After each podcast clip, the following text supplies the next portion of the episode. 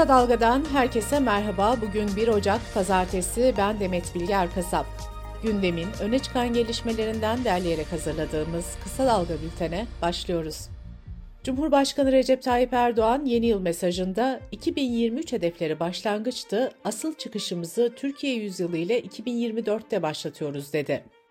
CHP Genel Başkanı Özgür Özel ise mesajında 5 yıl önceki seçimlerde kullandıkları Mart'ın sonu bahar sloganını hatırlattı. Özgür Özel, bahar getiremediğimiz illere bahar getirmeyi vaat ediyoruz diye konuştu. DEM Parti liderleri de mesajlarında toplumsal diyalog ve uzlaşı dileğinde bulundu. Mücadele vurgusu yapılan mesajda hep birlikte toplumun mahkum edildiği bu cendereyi kıracağız denildi.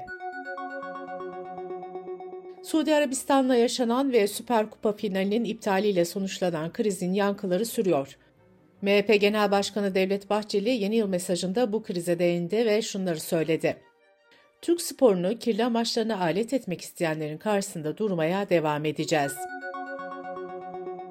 Süper Kupa kriziyle ilgili CHP'den de açıklama geldi. CHP'nin açıklamasında bu saygısızlıkları yapanların, bu kirli pazarlıkta olanların yaptıkları yanlarına kar kalmayacaktır denildi. CHP ayrıca kupa maçının Türkiye'de oynanmasını istedi. 31 Mart 2024 Pazar günü yapılacak yerel seçim sürecinin takvimi bugün resmen başlıyor. Seçime katılabilecek siyasi partiler yarın Yüksek Seçim Kurulu tarafından ilan edilecek. Seçmen askıları ise 17 Ocak'ta indirilecek. Seçmen kayıtlarının Yüksek Seçim Kurulu ve E-Devlet üzerinden sorgulanmasının son günü de yine 17 Ocak olacak.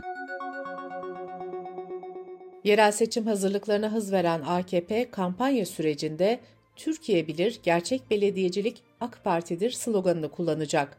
AK Parti'nin adaylarını 7 ya da 15 Ocak'ta tanıtması bekleniyor. CHP ise 3 Ocak'ta 200 yeni aday daha açıklayacak. CHP'nin şimdiye kadar açıkladığı adayların çoğu erkekte. Partinin kadın aday sayısını artırmayı hedeflediği belirtiliyor. Yerel seçimlerle ilgili Deutsche Welle Türkçe'ye açıklama yapan DEM Parti eş genel başkanı Tuncer Bakırhan, kötüler arasındaki bir seçimde taraf olmayacağız. Kayıtsız şartsız iktidar kaybetsin diye oy vermeyeceğiz dedi. Türkiye İşçi Partisi de seçimlere 13 ilde kendi logosu ve adayı ile girecek. Parti kayyım atanan Diyarbakır, Mardin ve Van Büyükşehir belediyelerinde aday göstermeyecek. Edirne cezaevinde tutuklu bulunan HDP'nin eski eş genel başkanı Selahattin Demirtaş'ın babası Tahir Demirtaş hayatını kaybetti. Selahattin Demirtaş babasının cenazesine katılmayacağını, yasını cezaevinde tutacağını açıkladı. Çevre ve Şehircilik Bakanı Mehmet Özsaseki, Türkiye'de 500'e yakın fay hattı olduğunu ve her an her yerde deprem olabileceğini söyledi. Özsaseki, her an her yerde 4, 5, 6, 7'ye kadar yükselen bir deprem olabilir ifadelerini kullandı. Meteoroloji Genel Müdürlüğü 2023 yılı Kasım ayının son 53 yılın en sıcak Kasım olduğunu açıkladı. Meteorolojinin verilerine göre yeni yılın ilk ayında da sıcaklıklar mevsim normallerinin üzerinde seyredecek. Sıcaklıklar Ocak'ta iç kesimlerde mevsim normallerinin 2 ila 3 derece üzerinde olacak. Kısa Dalga Bülten'de sırada ekonomi haberleri var. Hazine ve Maliye Bakanı Mehmet Şimşek, 2024'ün yıllık enflasyonda düşüşün başladığı yıl olacağını söyledi. Türk İş'in açıkladığı son rapora göre Aralık ayında 4 kişilik bir ailenin açlık sınırı 14.431 liraya, yoksulluk sınırı ise 47.009 liraya yükseldi. Yeni yılla birlikte motorlu taşıtlar vergisi, pasaport, tapu ve yargı harçlarına %58.46 oranında zam yapıldı. Yurt dışından getirilen telefonların kullanımı için harç tutarı 31.692 liraya çıktı. Bu harç miktarı 2023 yılının başında 6.091 liraydı. Cumhurbaşkanı Yardımcısı Cevdet Yılmaz, memur maaş zammının %50'ye yakın olacağını söyledi. Yılmaz, SSK ve Bağkur emeklilerinin aylık artışı için yılın ikinci yarısına işaret etti. Yılmaz ayrıca en düşük emekli maaşı için özel bir çalışma yapıldığını da belirtti. Bugünden itibaren TL dönüşümlü yeni kur korumalı mevduat hesabı açılamayacak. Mevcut TL dönüşümlü hesaplar vade sonunda yenilenmeyecek. Yeni yılda özellikle ekonomi alanında birçok yeni uygulama da hayata geçirilecek. Otomotiv ve emlak siteleri ilan verenlerin kimlik ve iletişim bilgilerini doğrulamak zorunda olacak. Airbnb ve benzeri günlük konut kiralamaya dair yeni kural ve düzenlemeler de bu yıl hayata geçecek. Turizm konutlarının bakanlıktan belge alması ve kapısına da plaket asması şart olacak. Lokantalar da artık fiyatlarını kapıya asmak ve masaya koymak zorunda.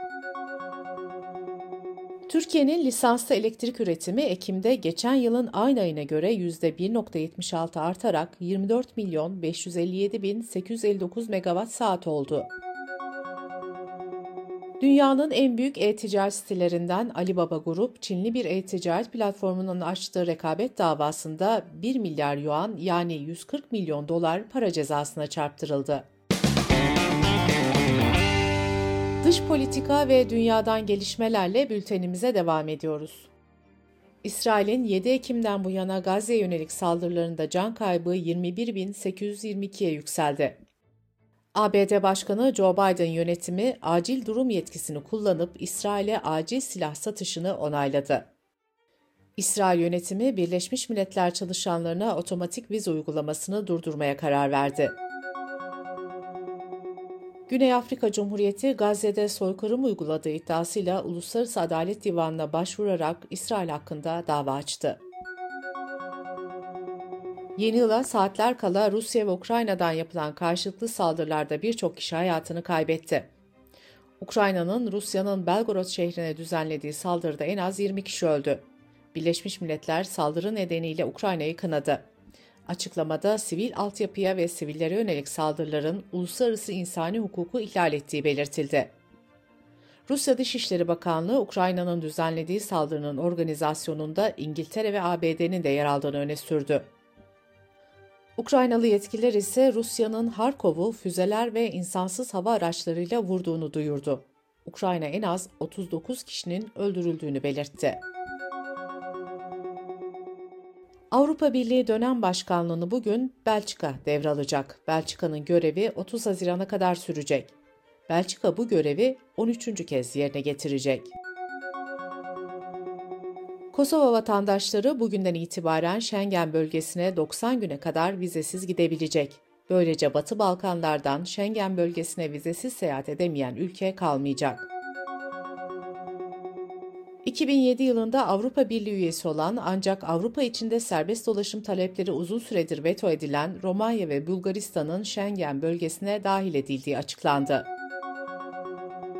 Sırbistan'da 17 Aralık'ta yapılan seçimle ilgili tartışmalar sürüyor. Muhalefet seçimlerde usulsüzlük yapıldığını iddia ediyor.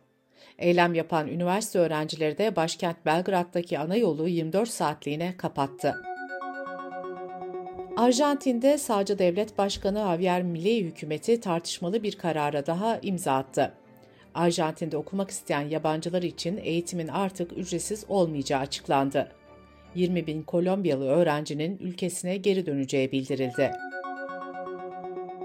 Meksika'nın Sonora eyaletinde bir partiye düzenlenen silahlı saldırıda 6 kişi hayatını kaybetti, 26 kişi yaralandı.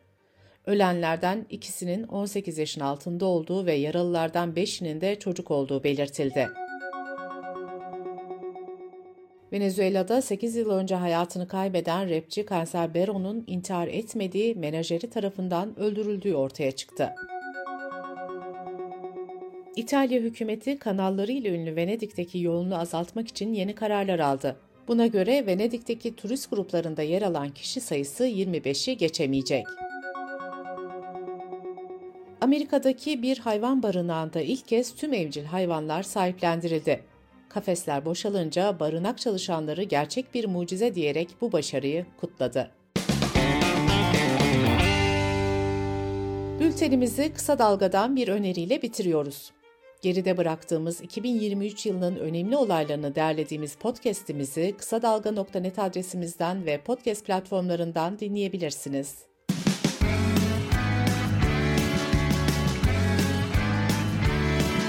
Kulağınız bizde olsun. Kısa Dalga Podcast.